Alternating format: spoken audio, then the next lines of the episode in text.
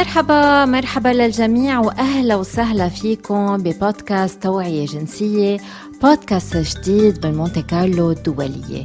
هذا البودكاست بجاوب على أسئلتكم حول الحياة الجنسية والجنسانية أنا دكتور ساندرين عطلة المتخصصة بالطب الجنسي والعلاج النفسي الجنسي.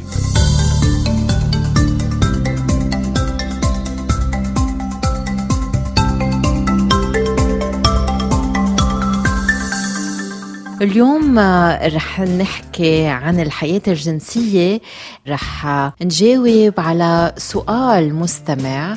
أول سؤال آه، وصلنا عن الامتاع الذات كيف الواحد في يخفف ممارسة امتاع الذات شو تأثيرها على صحتنا وعلى صحتنا النفسية؟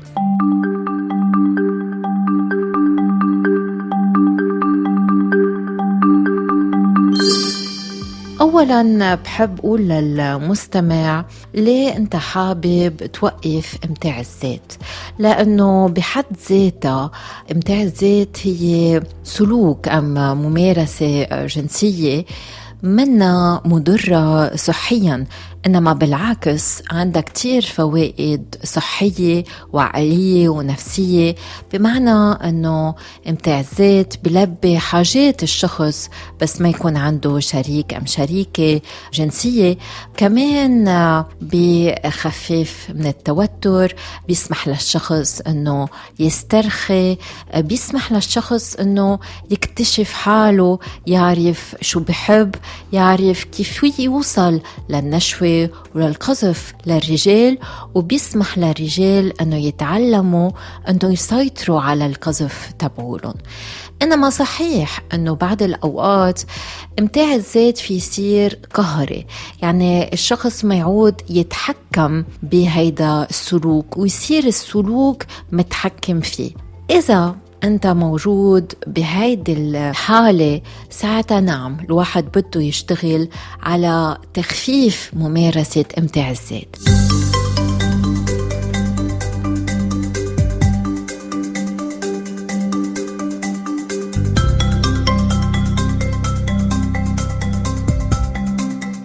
أمتى منقول إنه إمتاع الذات صار تصرف أم سلوك قهري؟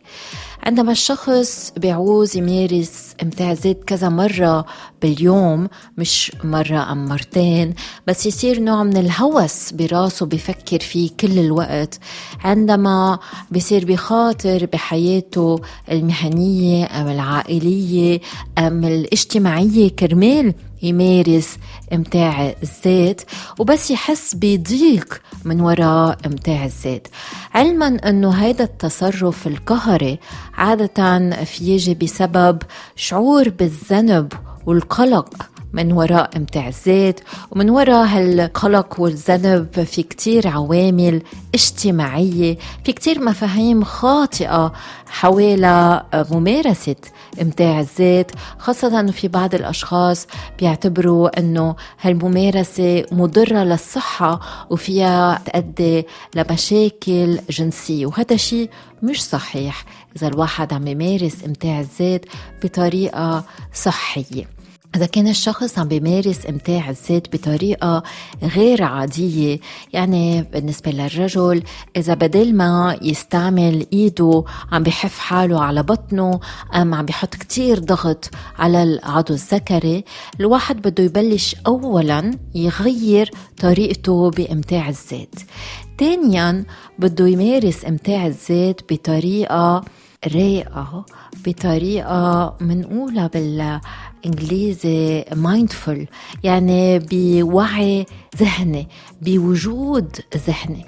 إذا الواحد بده يمنع حاله من ممارسة إمتاع الذات ساعتها رح يعيش نوع من الكبت الجنسي ورح تزيد ممارسة إمتاع الذات إذا الشخص سمح حاله أنه يمارس إمتاع الذات إنما بطريقة صحية وبس هو يقرر ساعتها شوي شوي ما بيعود بيحس بهيدا الشعور الحاجة القهرية الماسة لممارسة إمتاع الذات. فالواحد يقدر يسيطر على هذا الموضوع. أولا بس يحس أنه بده يمارس إمتاع الذات بده يفكر أنا ليه هلأ عم بحس بهالشعور؟ هل لأنه عندي حاجة جنسية؟ تمام. الواحد إذا فاضي وقادر يمارس إمتاع الذات فيه بس بده ياخد وقته يظبط شوي الأجواء حده يحط مثلا شيء مثير لإله بيريحه يبلش يستكشف حاله يستكشف كل مناطق جسمه ويمارس إمتاع الذات على مهله يتنفس يركز مزبوط على الأحاسيس وعلى المشاعر ويسمح للذة أنه تعلى شوي شوي وعن جد يستمتع بهيدا اللذة وهالمتعة ويبتسم لحاله بس يوصل للمتعة. إذا الحاجة جاية من توتر من قلق ساعتها ما لازم الواحد يمارس امتاع الذات بده يمارس شيء تاني تيخفف توتره وقلقه. لأنه إذا الواحد عم بيمارس امتاع الذات بسبب ملل توتر ضيق نفسي بيصير التصرف قهري بيسبب شعور بالذنب.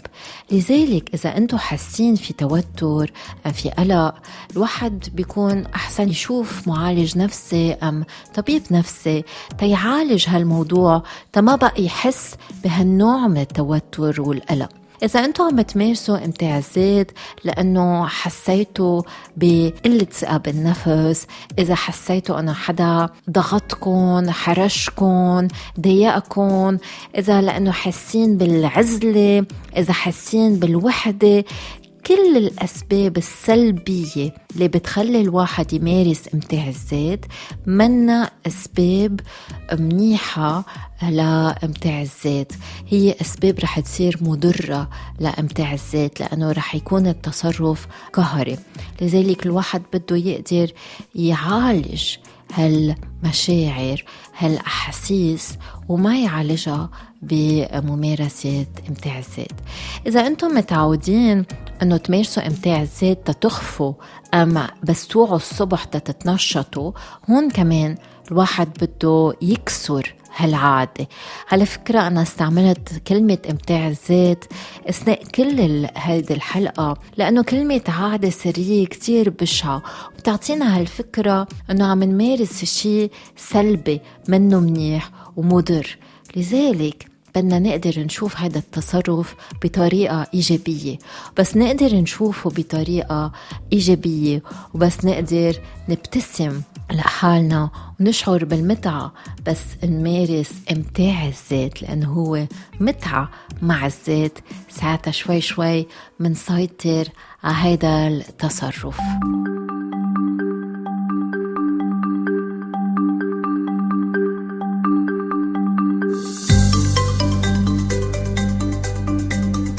هيك تنتهي حلقتنا لليوم. قبل ما ودعكم بذكركم إنه هذا البودكاست بجاوب على أسئلتكم. لذلك ابعتوا لنا أسئلتكم عبر فيسبوك تويتر أو إنستغرام.